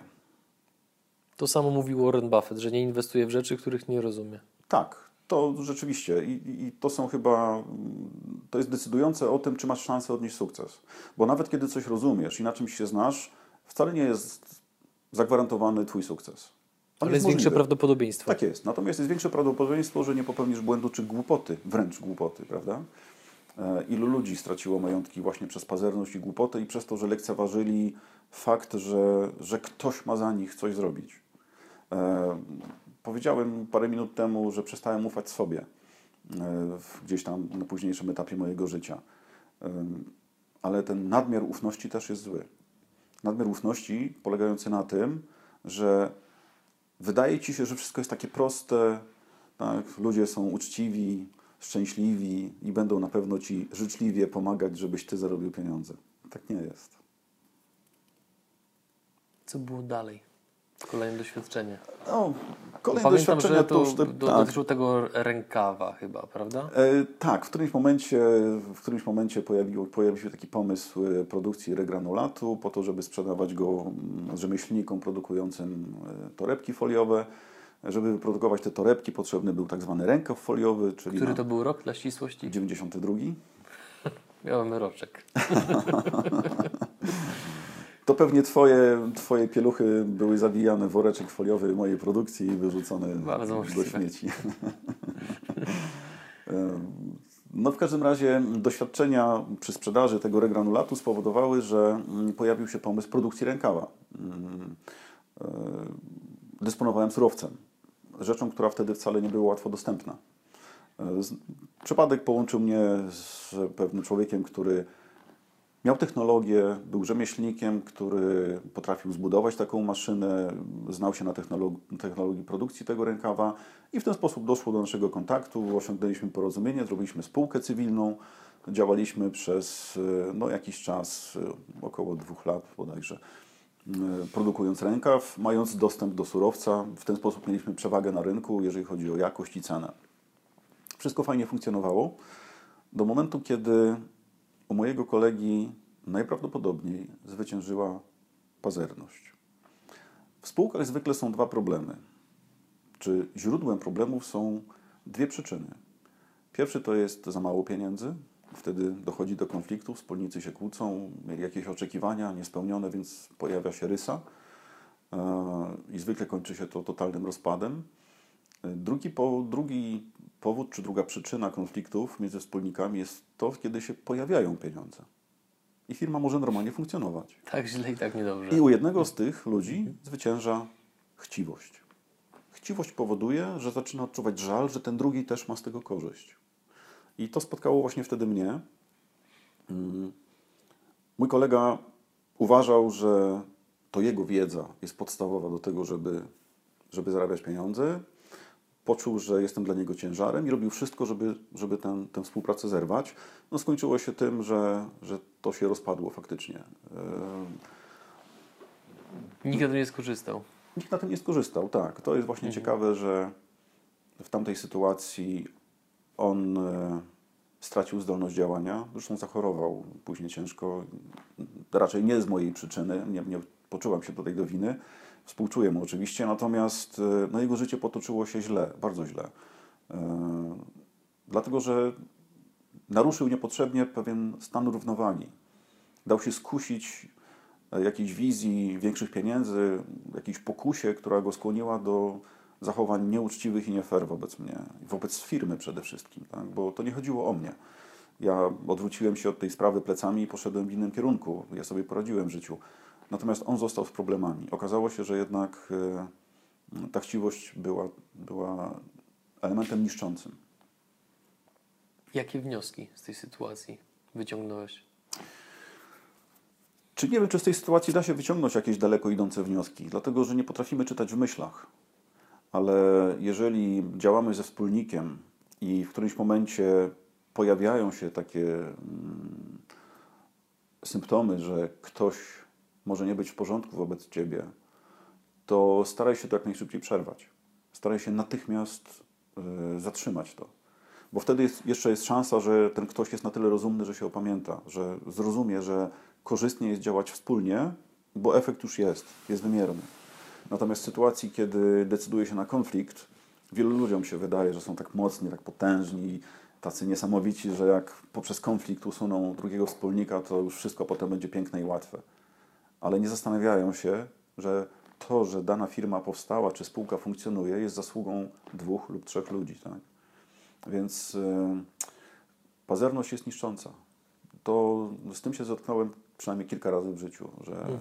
że wspólnik czy człowiek, z którym pracowałem, działałem, myśląc, że mnie nie potrzebuje y, i pozbywając się mnie w różny podły sposób, y, często wpadał w problemy. Mhm.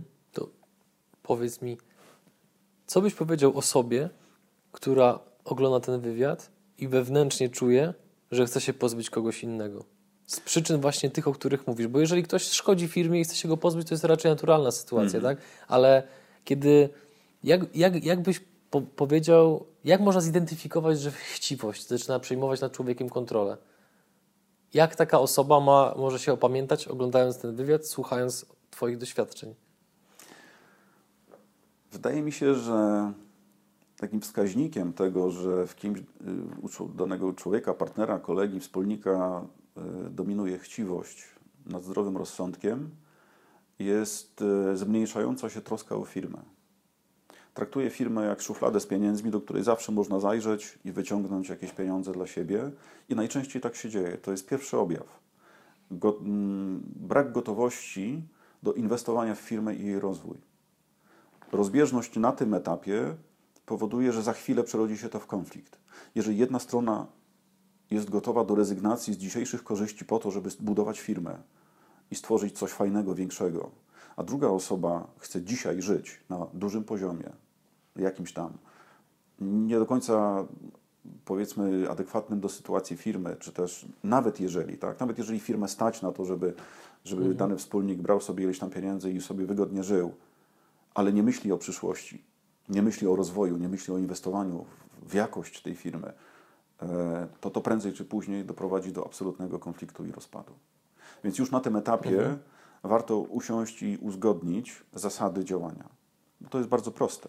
Przecież wystarczy uzgodnić, że na przykład 70% zysku firmy przeznacza się na rozwój, a 30% dzieli się na wspólników i w ten sposób żyjemy sobie. Bo okej, okay, 30% nie wystarczy, dobrze, przeznaczmy 50%, ale nie zapomnijmy o rozwoju. Nie ma możliwości zbudowania dzisiaj czegoś, co będzie trwało wiecznie. Rynki są zmienne. Rynek jest tak dynamiczny, tak, tak turbulentny pod wieloma względami, technologicznie i, i prawnie, że nie ma możliwości stworzyć jednej firmy dzisiaj i funkcjonować z niej przez całe życie albo przez kilka pokoleń. Są takie firmy, ale one swoje fundamenty stworzyły 100 lat temu. I dzisiaj nadążają za rozwojem technologicznym. Jeżeli ktoś dzisiaj rozwija firmę i jest na wczesnym etapie rozwoju, musi liczyć się z ryzykami i musi być gotowy do zmian. Musimy być gotowi do tego. Chyba odpowiedziałem Ci na Twoje wcześniejsze pytanie, dlaczego sięgałem po tyle branż. Mhm. Była we mnie gotowość do zmian, była we mnie gotowość do tego, żeby po prostu zająć się czymś innym. I nie traktowałem tego jako problem, raczej jako y, fajne wyzwanie, jako jakieś kolejne doświadczenie, jako poszerzenie mojej wiedzy, moich umiejętności. A więc Dzisiaj na pewno, budując firmę, czy tworząc, mając ją kilka, kilka lat nawet, tak, musimy być gotowi do tego, że za jakiś czas zmienią się warunki na rynku i ta firma może stracić fundament, stracić podstawę do działania.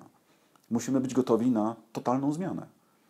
Może tylko charakteru tej firmy, może tylko kierunku jej działania, może tylko jakiegoś produktu, a może totalnie branży. Nie wiemy tego. Niesamowite. Absolutnie się zgadzam, absolutnie. Teraz powiedz mi, bo. Yy czy masz wrażenie, że im byłeś starszy, tym wyzwania, z którymi się zderzałeś, były coraz cięższe i coraz poważniejsze? Bo jakby wydaje mi się, z tego co pamiętam, że teraz dojdziemy chyba do najtrudniejszego momentu w Twojej karierze zawodowej. Dobrze kojarzę? No, mów dalej, pytaj się. Co to było? Co się stało? To jest chyba jakby ta, ta sytuacja, która, którą można jakby zwieńczyć tym zdaniem, które powiedziałeś, przestałem ufać sobie. Jak mhm. do tego doszło?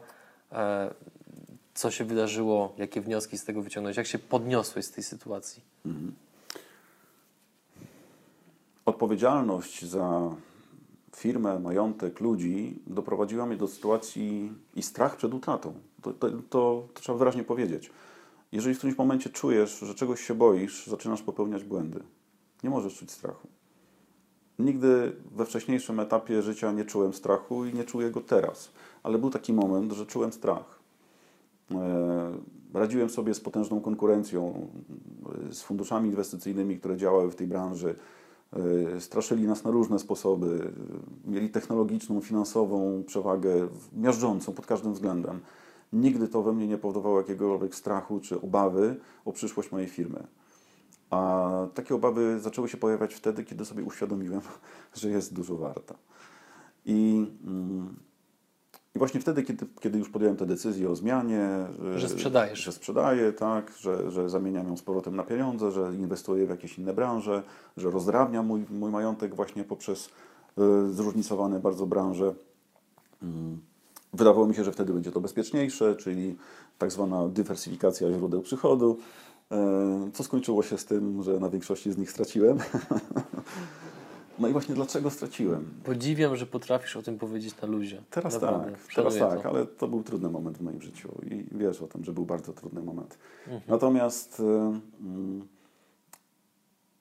zastanawiam się do dzisiaj i nie ma chyba jednoznacznej odpowiedzi na to, jak to się stało, że radziłem sobie z każdym problemem, a w sytuacji, kiedy życie mogło być bardzo proste, przestałem ufać sobie, a zacząłem powierzać decyzje innym ludziom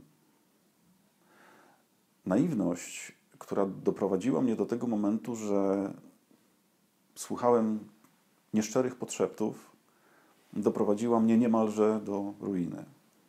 Bo faktycznie, jakim trzeba być naiwnym człowiekiem, że zatrudniasz kogoś, nawet kogoś, kto ma jakieś stanowisko w bankowości, albo jest wspólnikiem, prezesem jakiejś tam firmy medycznej.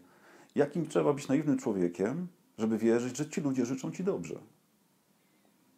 Przecież ja z moimi pieniędzmi byłem dla nich tak naprawdę albo zagrożeniem dla ich ego, dla ich pozycji, albo po prostu skarbonką, z której mogli sprytnie sięgać. I tak się niestety stało. I ta naiwność, ta ufność e, kosztowała mnie dużo bolesnych chwil. Natomiast ważne jest to, że nie straciłem tej chęci do działania, którą miałem zawsze. Ona była przytłumiona w którymś momencie przez problemy, które mnie spotkały. Natomiast e, natury człowieka się nie zmieni. Możemy się uczyć wielu różnych rzeczy. Mam pytanko tutaj. Czy, jeżeli to jest tajemnica, to nie musisz odpowiadać, ale czy żeby oglądający mógł zrozumieć skalę problemu bądź wyzwań, z którymi się zderzyłeś, jesteś w stanie nam powiedzieć, ile straciłeś, tym, kiedy przestałeś ufać sobie? Jaka to jest kwota? E, około 20 milionów. I mimo to zachowujesz entuzjazm do dzisiaj. Nie mamy wyjścia, przecież życie trwa dalej. Dopóki mamy ręce, nogi, głowę i żyjemy, wszystko jest przed nami dostępne. Jeżeli raz w życiu coś zrobiłeś, jeżeli raz w życiu pokazałeś, że jesteś coś wart, to całe życie jesteś coś wart. Jeżeli raz w życiu stworzyłeś firmę, to drugi raz też ją zrobisz. I trzeci, i czwarty, i piąty. Nic nie stoi na przeszkodzie, żebyś zrobił to samo. W innej branży, w inny sposób, ale też możesz iść do przodu. Podobno jest tak, że w Polsce, kiedy ma się do czynienia powiedzmy z osobą, która straciła dużą część majątku bądź e, dotknęło ją bankructwo, to taka osoba nosi pewnego rodzaju piętno w naszym kraju. A na przykład na Zachodzie, w Stanach Zjednoczonych, jak miałem okazję z różnymi znajomymi rozmawiać, jest tak, że osoba, która doświadczyła właśnie tych rzeczy, których Ty doświadczyłeś, ma dużo większą wartość w oczach potencjalnych inwestorów niż ktokolwiek inny. Bo to jest jakby, lek, to są lekcje warte 20 milionów złotych. Tak jest, to drogie lekcje. Natomiast y, lekcje, które, które są nie dla każdego. Nie każdy jest w stanie przejść te lekcje. Po pierwsze, przejść je i wyjść y, w jakiś normalny sposób i dalej funkcjonować. Wielu ludzi popełnia samobójstwo, popada w alkoholizm, y, narkotyki i w ten sposób jeszcze bardziej się pogrążają. Y, I to niestety jest ta codzienność takich przypadków. Natomiast niewątpliwie ludzie, którzy przechodzą taką drogę, mogą być dużo warci dla, mm, z tego powodu, że my mamy już inne spojrzenie na ryzyka. My potrafimy dostrzec ryzyka tam, gdzie inni je lekceważą. Postrze- Potrafimy dostrzec te rzeczy w ludziach, których inni nie widzą. Intuicja mm, to zwykle cecha kobieca, tak? O tym się mówi, że kobiety mają intuicję. Ale to jest jednocześnie cecha, która, która może być rozwinięta do niesamowitych rozmiarów, która naprawdę pozwala rozumieć drugiego człowieka i rozumieć jego myśli i intencje. E, Nie mówię, że ja już to mam, ale wydaje mi się, że, że jestem na znacznie wyższym poziomie takiej właśnie intuicji niż wiele lat temu. Mówiłem Ci, że natury człowieka się nie zmieni i moja natura w sensie ufności, w sensie optymizmu również się nie zmieni. Nic na to nie poradzę. Jedyne, co mogę w życiu robić, to być ostrożnym. Bardziej niż do tej pory. No dobra, a powiedz mi, no bo ludzie psychicznie nie radzą sobie przy dużo mniejszych trudnościach, dużo mniejszych. Co pozwoliło zachować ci to, że cały czas szedłeś naprzód? No bo to jakby Nie. tak, to, to nie jest sytuacja typu, że wylali mnie z pracy. No, jest tysiąc innych miejsc pracy, gdzie można się... Tutaj jakby no, mamy do czynienia z sytuacją tak trudną i tak złożoną, tak obciążającą psychicznie, że jak wytrzymać tak trudny okres? Nie szedłem cały czas do przodu. To był właśnie taki etap w moim życiu trwający kilka lat, że, mm, że całkowicie zrezygnowałem z aktywności niemalże. Że właśnie zamknąłem się w, gdzieś tam w jakiejś swojej norce, w jakiejś swojej skrytce i, e, i tam e, regenerowałem się. Czyli pozwalałem po prostu, żeby, Śmiało, śmiało. żeby pozwalałem, żeby czas wyleczył rany, bo czas leczy rany. Czas przede wszystkim przytępia emocje. E, Pewien mądry człowiek, specjalista od naprawiania ludzi, powiedział mi kiedyś, że niemożliwe jest, żeby człowiek samodzielnie wyszedł z takiej depresji. Tobie się udało. Chyba tak. Myślę, że tak. E, Ale to nie jest odpowiedź na Twoje pytanie. Nie wiem dlaczego. E, To kwestia, nie wiem, sił witalnych, energii, radości z życia. Ale to jakby co robiłeś? O, czy, o czym myślałeś? Co powodowało, że ten płomyk, nieważne czy był mały, czy duży, że on cały czas był? Że mamy okazję dzisiaj tutaj rozmawiać. Dopóki nie następują rzeczy nieodwracalne od urwanej nogi, ręki, głowy czy utraty życia, to wszystko możesz zrobić. Dopóki się nie poddałeś, dopóki nie pogodziłeś się z tym, że poniosłeś klęskę w życiu, dopóki walczysz, Jesteś w grze. To wygrywasz. Po prostu wygrywasz. Ponieważ obojętnie do jakiego etapu w życiu dojdziesz, do jakiego poziomu z realizacją swoich planów dojdziesz, jeżeli tylko zmierzasz w tym kierunku, który sobie wybrałeś, jesteś wygrany. I to jest ta siła i energia. Czyli to nie jest tak, że trzeba mieć siłę i energię, żeby coś robić. Nie, robienie czegoś daje ci siłę i energię. Kiedy zmierzasz do celu, kiedy faktycznie konsekwentnie idziesz w tym kierunku, o którym marzyłeś, to wystarczy, że jesteś w drodze. To jest ta radość życia. To jest ta energia, to jest ta satysfakcja, to jest ta siła, która powoduje, że nawet kiedy idziesz malutkimi kroczkami, powolutku, to idziesz do przodu cały czas. Jesteś nie do zatrzymania.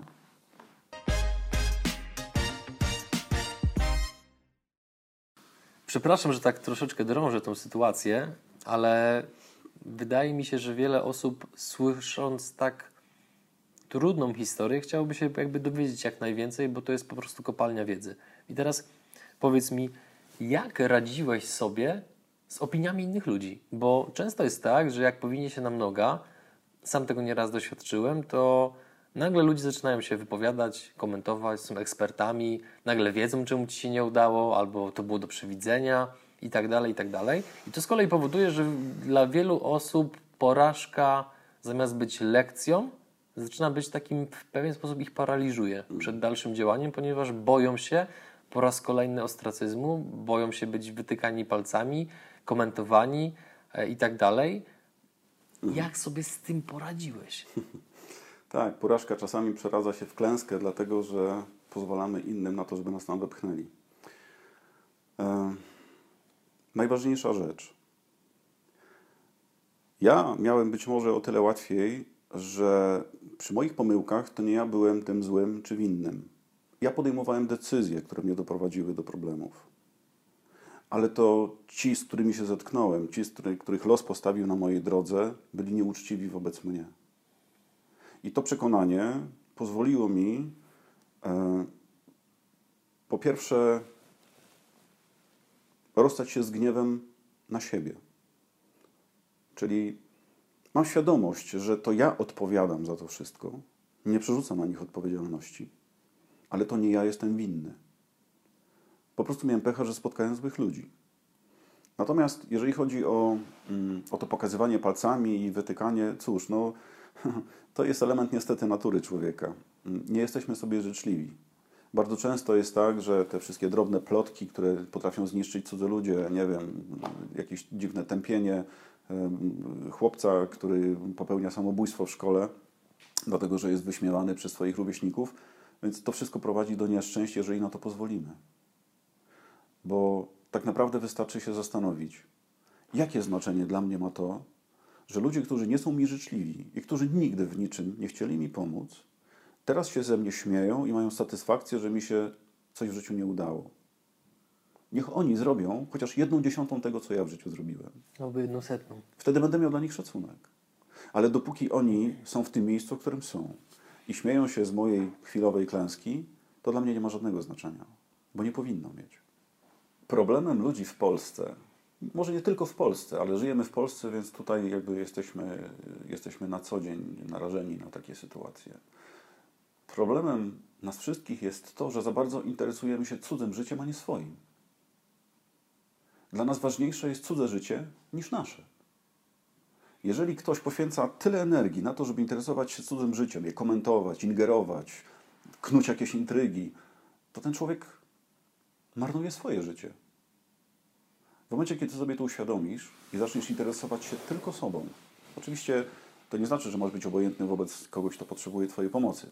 To jest no, niemożliwe i no, myślę, że naturalną reakcją jest to, że, że komuś chcesz pomóc, jeżeli jest taka możliwość czy potrzeba.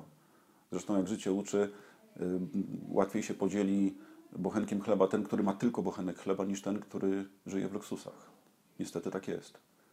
Ale właśnie ten człowiek jest bardziej wrażliwy i podatny na dostrzeganie tych wszystkich rzeczy i on myśli o sobie w normalny sposób, czyli nie przejmując się tymi rzeczami, które nie mają znaczenia. Jakie ma znaczenie dla mnie, co kto o mnie powie czy pomyśli. No niestety czasem mam, bo kiedy wyjdę z moją ofertą do firmy, chcę porozmawiać o, o współ- współpracy, a ten ktoś jest kolegą innego mojego znajomego, który mi źle życzy, no to raczej taka rozmowa niestety nie ma, nie ma sensu. Raczej sukcesu tam nie osiągnę. Ale Trudno. trzeba iść dalej. Oczywiście, ale to nie jest jedyna możliwość, żebym ja mógł coś dalej robić. Jest mnóstwo innych, tysiące innych. Wystarczy po prostu tam sięgnąć, wystarczy tam pójść. A więc jak sobie z tym poradzić, że ktoś się z nas śmieje? Nie przejmować się. Po prostu, bo to nie ma znaczenia. Tak jak powiedziałem, wystarczy, że skupisz się na swoim życiu i przestaniesz interesować się rzeczami nieważnymi, a zwłaszcza życiem innych ludzi. I wtedy wszystko staje się o wiele, wiele łatwiejsze. Oczywiście ta rozmowa ma być pewnym doświadczeniem, czy podzieleniem się doświadczeniem, jakąś wiedzą dla, dla ludzi, którzy będą ten materiał oglądać.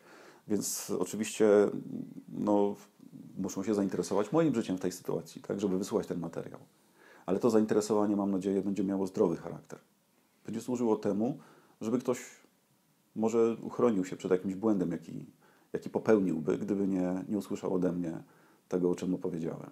Myślę, że zdecydowana większość osób tak do tego materiału podejdzie, a ci, którzy będą mieli niezdrowe zainteresowanie, to już i tak mają tak nieszczęśliwe życie, że nawet nie warto się nimi przejmować. Dokładnie tak. Jak w tym wszystkim, powiedz, bo podczas jednej rozmowy naszej rozmawialiśmy o, o, o sprawach biznesowych w kontekście życia osobistego. To się łączy, to się wyklucza, można to rozdzielić. Jak życie osobiste ma, ma wpływ na biznes według Ciebie? Najwyższy. Nie można być szczęśliwym człowiekiem, mając super firmę i e, nie rzeczy w domu. I odwrotnie. Nie da się dobrze tworzyć firmy, rozwijać jej w jakiś fajny, harmonijny sposób wtedy, kiedy są problemy w domu. E, trzeba sobie poradzić z jednym i z drugim. Bezwzględnie musi być harmonia w jednym i w drugim przypadku, bo tylko człowiek, który ma spokojną głowę, jest w stanie dostrzec te wszystkie szanse i możliwości, jakie stają przy, przy tworzeniu biznesu. No właśnie, to jak człowiek według Ciebie może stwierdzić, czy ta osoba, z którą akurat jest, z którą spędza czas, czy to jest ta właściwa? Jakie, tak mówiąc troszeczkę takim technicznym językiem, jakie są parametry zdrowego związku, zdrowej relacji? Wystarczy się zastanowić nad tym, jak często się śmiejecie. Jak często tworzycie sytuacje, w których wzajemnie się rozbawiacie, w których wywołujecie u siebie śmiech i dobry nastrój. Jeżeli tych sytuacji jest znacznie więcej niż wtedy, kiedy zgrzytacie zębami albo tam walicie pięścią w stół, bo takie sytuacje też się oczywiście zdarzają. Nie mówię, że muszą się zdarzyć, ale, ale zdarzają się na pewno. Kiedy się mieszka pod jednym dachem, nieuniknione są jakieś konflikty, mniejsze czy większe. I teraz zależy od, tak naprawdę jakość związku zależy od tego, jak, jak do tego podejdziesz. Jeżeli, jeżeli te sytuacje, które wy, wywołują Was śmiech, do, poczucie, poczucie szczęścia, po prostu relaksu, przyjemności, wywołują uśmiech na twarzy, jeżeli te sytuacje są częste, to wtedy te złe tracą na znaczeniu. I druga rzecz, jeżeli w tych złych sytuacjach po prostu musisz sobie czasem powiedzieć mamać, albo walnąć pięścią w stół, albo trzasnąć drzwiami, ale nie czujesz takiej złości w środku, Takiej palącej. takiej, takiej w sercu, takiej złości, która powoduje, że, e, że pojawiają się inne złe uczucia wobec tej drugiej osoby. Jeżeli po prostu jesteś przez moment wkurzony i to wszystko, e, a jednocześnie nie, nie ma w tobie tej, tej, tej, tej, tej złej, takiej prawdziwej emocji w środku, to znaczy, że to jest prawdziwa miłość. Taka, która daje wam szansę spędzić całe życie razem w zrozumieniu, szacunku, przede wszystkim szacunku, harmonii, zgodzie e, i w szczęściu. W internecie można znaleźć informację, że byłeś przez pewien okres zaangażowany w- życie jakby polityczne lokalnej społeczności, ponieważ byłeś radnym sejmiku. No jakby absolutnie mnie to nie dziwi, biorąc pod uwagę tak ogromną różnorodność rzeczy, które dotknąłeś. Już jakby jeszcze, byśmy porozmawiali o twoich hobby, których jest też aż tyle, no to ten wywiad trwałby dwie godziny albo dłużej. Ale wracając. Radny sejmiku. Czy możesz nam kilka zdań powiedzieć o tym epizodzie w twoim życiu zawodowym? Mm, Wiesz co, dobrze łączysz e, epizod e, polityczny, jakim de facto mm, było sprawowanie funkcji radnego wojewódzkiego z e, doświadczeniem zawodowym. Bo chyba tak to należy traktować. Generalnie e, moim zdaniem każdy z nas ma pewne obowiązki wobec lokalnej społeczności, wobec tego miejsca, gdzie żyjemy, mieszkamy. Nie da się być do końca obojętnym, czy też nie włączać się w sprawy związane e, z tą, z tą lokalną społecznością, w której funkcjonujemy. Po pierwsze, możemy być przydatni. Obojętnie kim jesteśmy i co robimy, możemy być przydatni, żeby w tej lokalnej społeczności, w tej, w tej małej ojczyźnie, jak to się ładnie mówi, po prostu życie, życie było lepsze. Po drugie, jeżeli się nie włączamy, to pozwalamy również, żeby rozwijało się jakieś oszołomstwo, które naszą obecnością możemy tłumić czy ograniczać. Ym, I jakby mm, to, że w wyniku mojej działalności gospodarczej funkcjonowałem w wielu różnych e, ośrodkach miejskich i siłą rzeczy byłem zaangażowany w jakieś samorządowe, lokalne sprawy poprzez program lokalny, poprzez telewizję, e, to zwróciło gdzieś tam uwagę mm, ludzi z pewnej opcji politycznej do tego stopnia, że przyszli do mnie i zaproponowali kandydowanie do Sejmiku. Nie ukrywam, że wcześniej o tym nie myślałem, ale udało im się rozbudzić we mnie e, takie pragnienie, gdzieś tam dobrze zadziałali na moje ego, że, że to może być mi do czegoś potrzebne. Nie wiem, może chociażby do samospełnienia. Tak?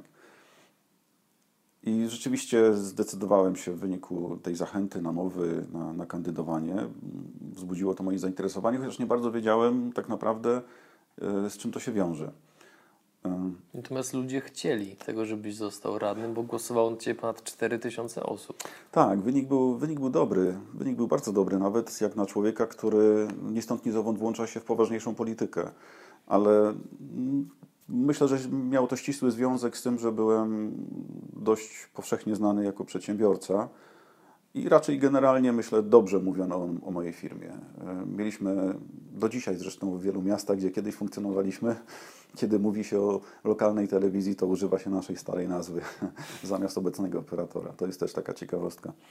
E, Natomiast doświadczenie, jakie wyniosłem e, z Sejmiku, jest przede wszystkim takie, że w polityce nie ma kolegów. Powiedział mi to jeden, jeden, z, jeden właśnie z radnych, e, znacznie bardziej doświadczony niż ja. E, To jest ciekawe, że jakby w życiu otrzymuję wiele sygnałów, które mówią mi, nie bądź naiwny. Otrzymuję mnóstwo takich sygnałów potwierdzających, że człowiek musi być ostrożny, wyważony, nieufny. A ja ciągle w swoim życiu byłem taki, że Na odwrót. że byłem otwarty, tak? Na przyjaźnie, na koleżeństwo, że byłem gotów nawet bez, nawet, po prostu bezinteresownie, w imię jakiejś przyjaźni czy koleżeństwa zrobić coś dla, dla moich kolegów. W drugą stronę nie zawsze tak to działa. Najczęściej nie działa. No i po raz kolejny dostaję taki sygnał, nie bądź naiwny. W polityce nie ma kolegów. Jesteśmy dla siebie konkurentami. Tak wypadałoby to dokończyć. On tego nie powiedział, ale taka jest prawda. W polityce wszyscy dla siebie są konkurentami. Więc krótko mówiąc, jeżeli jesteś zdecydowany na ostrą, morderczą walkę, bez litości, na zdobywanie głosów ludzi na różne sposoby, nawet te najbardziej oszołomskie, populistyczne, to idź w politykę. Ale jeżeli nie jesteś na to gotów, to to doświadczenie nie jest ci do niczego potrzebne. Po prostu. Mm, Polityka jako taka nie wnosi nic do naszego życia. Jeżeli chcesz, masz potrzebę, żeby być dostrzeżonym przez lokalną społeczność, albo żeby być potrzebnym, pożytecznym, to jest mnóstwo, mnóstwo innych sposobów, e, żeby wnieść jakieś dobro, jakąś wartość e, do, do, do życia. I jest mnóstwo organizacji, m, które zajmują się pomocą, wspieraniem tych, którzy potrzebują pomocy. I, I warto włączyć się właśnie w takie działania. Myślę, że jest to o wiele więcej warte niż bezpośrednie zaangażowanie w politykę. Oczywiście system polityczny funkcjonuje i będzie funkcjonował. Partie są coraz silniejsze, coraz mocniejsze e, i nie unikniemy tego, że ktoś musi być tym politykiem. Szkoda tylko, że no, jakość życia politycznego generalnie spada. Nie wiem, co musi się stać, żeby, mm, żeby tendencja się odwróciła. Może Mariusz Tropczyński powinien wrócić do polityki. Nie, nie, niczego się to, to nie, nie. Nie, dlatego że e, tak jak mówiłem, mimo tych wszystkich instrukcji i doświadczeń, e, poziom mojej ufności czy naiwności raczej nie wróżyłby nic dobrego w mojej karierze politycznej. Powiedz nam, Mariusz, e, po telewizji pojawił się partner medyczny. Czym się obecnie zajmujesz? Co robisz? O, partner medyczny to jest też wizja. Przede wszystkim wizja, która w tej chwili się materializuje, osiąga całkiem dobre kształty. Partner medyczny to firma, która mm, ma zapewnić wszystkim zdrowie i szczęśliwość. A tak swoją drogą, oczywiście trochę żartując, e, parę razy prezentowałem naszą firmę na różnych spotkaniach biznesowych i mm, wielkim, wielkim zaskoczeniem dla mnie było to, kiedy po kilkunastu czy kilkudziesięciu nawet takich prezentacjach krótkich, co prawda minutowych, ale jednak ktoś do mnie podszedł i się zapytał: Słuchaj, Mariusz, powiedz mi w końcu, co to są te pakiety? No właśnie, co to są te pakiety? Załamałem się. Załamałem się wtedy rzeczywiście, że byłem tak nie, niezrozumiały i niekomunikatywny. Partner medyczny zajmuje się ułatwieniem dostępu do lekarzy, do specjalistów, do których na co dzień dostać się trudno. Jakie są kolejki do kardiologów, czy, czy nie, laryngologów, innych specjalistów? Wszyscy wiemy, wszyscy ci, którzy chociaż raz musieli e, stukać do, do drzwi przychodni albo próbowali się tam dodzwonić i, i dostać się w ramach e, NFZ-u na jakąś wizytę lekarską. My zapewniamy ludziom błyskawiczne wizyty w ramach stałej opłaty, coś w rodzaju abonamentu. Gwarantujemy dostępność do ponad tysiąca placówek na terenie Polski. Działamy w ciągu parunastu godzin najczęściej. Gwarantujemy terminy kilkudniowe, ale rzeczywistość jest taka, że jesteśmy w stanie najczęściej w ciągu dwóch, trzech dni zorganizować każdą wizytę lekarską. Em, Dostrzegłem, dostrzegłem taką potrzebę mm, kilka lat temu i rzeczywiście no, ta potrzeba jest coraz większa. Mimo zapowiadanych reform e, służby zdrowia, nie sądzę, żeby w najbliższych kilku, kilkunastu latach nastąpiła jakaś istotna jakość, istotna poprawa jakości usług zdrowotnych. Wydaje mi się, że dopóki nie pojawią się technologie uzdrawiające w cudowny sposób, chociaż na razie tylko, tylko jedna osoba potrafiała uzdrawiać ludzi, a więc dopóki nie pojawią się podobnego typu urządzenia, które, które zapewnią tego typu e, usługi i jakby cudowne leczenie, to tak długo wydaje mi się mm, problem pozostanie nierozwiązany. Czyli podstawa do funkcjonowania tego typu firm będzie coraz większa. Kogo poszukujesz do współpracy? Nasza oferta y, to nie jest tylko kwestia partnera medycznego. Y, Kogo należy poszukiwać do współpracy? Otóż wydaje mi się, że najcenniejszym pracownikiem jest taki człowiek, który ma głęboko uświadomioną y, potrzebę bycia pożytecznym w firmie. Można się identyfikować z firmą, ale z drugiej strony być człowiekiem trochę formalistą, który no, mimo tego, że, że czuje się członkiem zespołu, jest fajnie i tak dalej, jednocześnie nie ma w nim jakiegoś większego entuzjazmu z tego powodu. Oczywiście to jest trudne, tak? Dzisiaj no, są takie czasy, że praca jest dla wielu po prostu przykrą koniecznością. Zresztą 80% ludzi rano wstaje do pracy i czuje złość, że musi tam iść. 80% ludzi przynajmniej. Ogromna ilość. Tak, ale takie są fakty.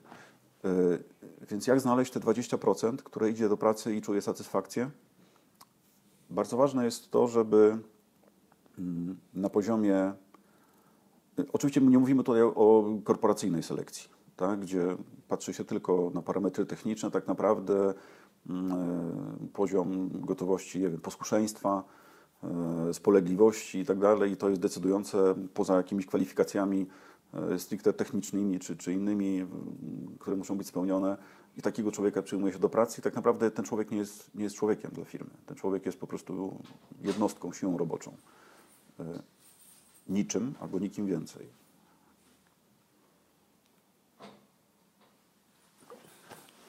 Zrobimy małą przerwę, spokojnie. Skończyłeś na tym, że jest jednostką niż Tak więcej. jest.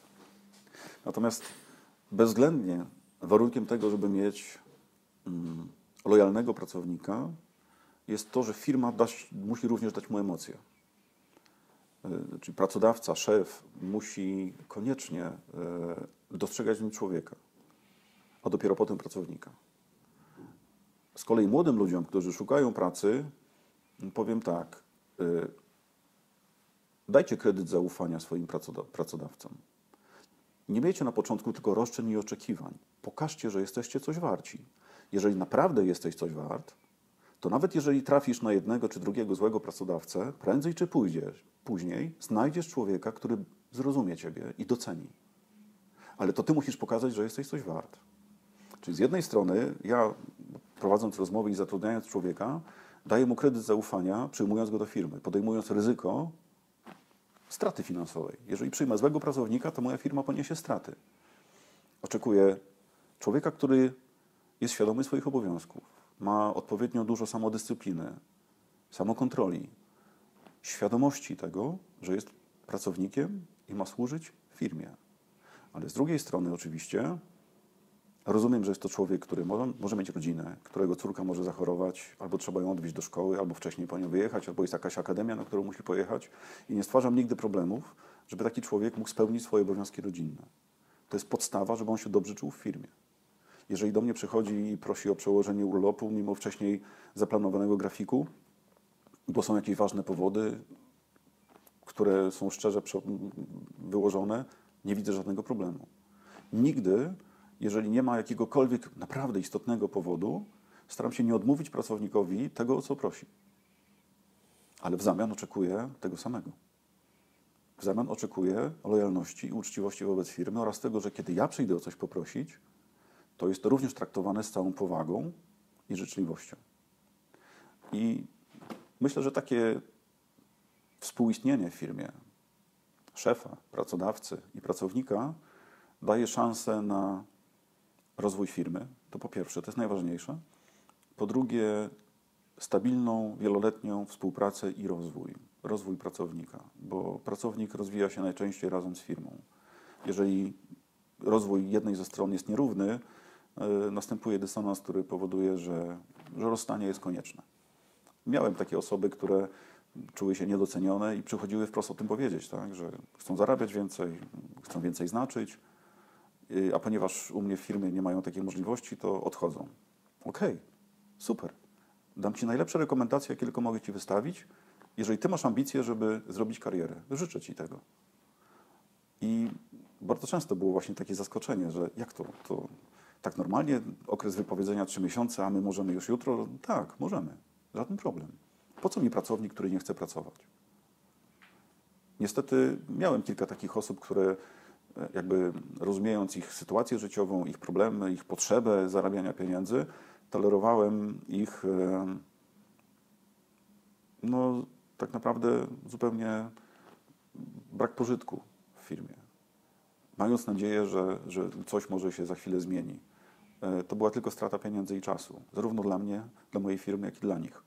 Dla dobra tych ludzi czasami trzeba pozwolić im odejść i poszukać nowego miejsca, gdzie poczują się lepiej. Więc e, zawsze starałem się tak rozstawać z pracownikami, żeby nie traktowali tego jako coś przykrego w konflikcie, żeby, żeby zawsze mogli wrócić e, i co się zresztą zdarzało. Miałem kiedyś takiego pracownika, który trzy razy wracał do naszej firmy, poszukując innego miejsca pracy. I za każdym razem go przyjmowałem, bo to był dobry pracownik, bardzo dobry. Natomiast miał trudny charakter. Trudny na tyle, że jego, jego wyobrażenie jakby, czy, czy, czy marzenia o swojej pozycji w firmie jakby nie pozwalały mu spokojnie trwać, tylko poszukiwać czegoś nowego. Okej, okay, szukaj. Ale jak nie znajdziesz, możesz przyjść. Nie ma problemu. Jesteś dobry w tym, co robisz powoli zbliżamy się do końca. Powiedz, jaki z Twojej perspektywy najczęstszy błąd popełniają początkujący przedsiębiorcy? Niecierpliwość. Niecierpliwość i brak gotowości do zrezygnowania z czegoś dzisiaj, żeby jutro było więcej. Jak się tego nauczyć? To po prostu trzeba wymusić na sobie. Człowiek jest wygodny, człowiek chce mieć dzisiaj, tak? Człowiek chce być, mieć i znaczyć. To są trzy słabości człowieka, które powodują, że popełniamy katastrofalne błędy właśnie pazerności, chciwości, nieuczciwości. E, wystarczy sobie uświadomić, że życie trwa tak długo, że jeśli dzisiaj popełnimy błąd, przez którąś z tych rzeczy, o których mówiłem, to być może konsekwencje tego błędu będą się ciągnęły przez wiele lat w życiu. Jeżeli dzisiaj zrezygnujemy z tych złych rzeczy, będziemy cierpliwi, będziemy gotowi do pewnych wyrzeczeń, to przez całe nasze- życie przyszłe będziemy z tego korzystali. I jakby wycena tych wartości dzisiejszych i przyszłych musi być decydująca, jeżeli chodzi o, o postanowienie, w jakim kierunku iść ze sobą, ze swoimi decyzjami, z firmą. Myślę, że to jest największy problem, zwłaszcza młodych przedsiębiorców. Niecierpliwość. Bądźcie cierpliwi, warto. Gdzie jest linia mety dla Mariusza Trąbczyńskiego? Mam nadzieję, że jeszcze daleko. E, no cóż, e, Jaki jest taki Pewnie cel, tak. który chcesz osiągnąć i wtedy powiesz, że okej, dobra, już osiągnąłem wszystko, co chciałem osiągnąć. Czy, czy, czy nie ma takiego punktu? toczące się kamienie nie porastają mchem. Dopóki coś robisz, dopóki działasz, to się nie starzejesz. Jeżeli się poddasz, jeżeli w którymś momencie siądziesz i zaczniesz po prostu gnuśnieć, to wtedy tracisz życie. Trzeba działać. Dawno, dawno temu, jeszcze w latach 90. ubiegłego wieku, kiedy szukałem źródeł zaopatrzenia dla swojej firmy, pojechałem do Łodzi mm, w celu ustalenia warunków dostawy pewnych elementów do, do sieci, które budowaliśmy. Spotkałem na miejscu dwóch starszych gości. Oni mieli tak między 65 a 70 lat. Ludzie, którzy już byli na emeryturze. Dwóch inżynierów, którzy odeszli z jakiejś fabryki. I oni w, 60, w wieku 60 paru lat uruchomili swoją firmę, produkującą właśnie te metalowe elementy, które były wykorzystywane przez nasze, tego typu firmy, w jakiej ja wtedy działałem. I pamiętam do dzisiaj rozmowę z nimi. Oni tak gadali jak młodzi chłopcy. Oni dopiero rozpoczynali swoje życie. Oni planowali swój biznes na tyle lat do przodu, że pewnie ich wnuki jeszcze by miały co robić. A to były tylko jakieś metalowe skrzynki. Ale oni tym, o tym mówili z taką pasją i z taką werwą i z takim, z takim zapałem, z takim prawdziwym entuzjazmem, że oczywiście kupowaliśmy od nich te skrzynki. Ale to doświadczenie było dla mnie o tyle istotne, że pokazało mi, ja być może mam to w sobie, a być może nabyłem to dzięki nim. Nie zastanawiałem się nigdy nad tym. Ale właśnie to spotkanie było dla mnie o tyle istotne, że oni mi pokazali, nigdy nie jest za późno, żeby zacząć coś robić. Nigdy nie możesz się zatrzymać, bo wtedy przegrywasz. Mariusz, bardzo Ci dziękuję za rozmowę, za tak duży poziom szczerości, szczegółów, sugestii, lekcji. Jestem przekonany, że ten wywiad będzie dla wielu osób ogromną dawką inspiracji i być może uniknięcia błędów, które nie są im potrzebne. Bardzo Ci dziękuję. Ja również dziękuję.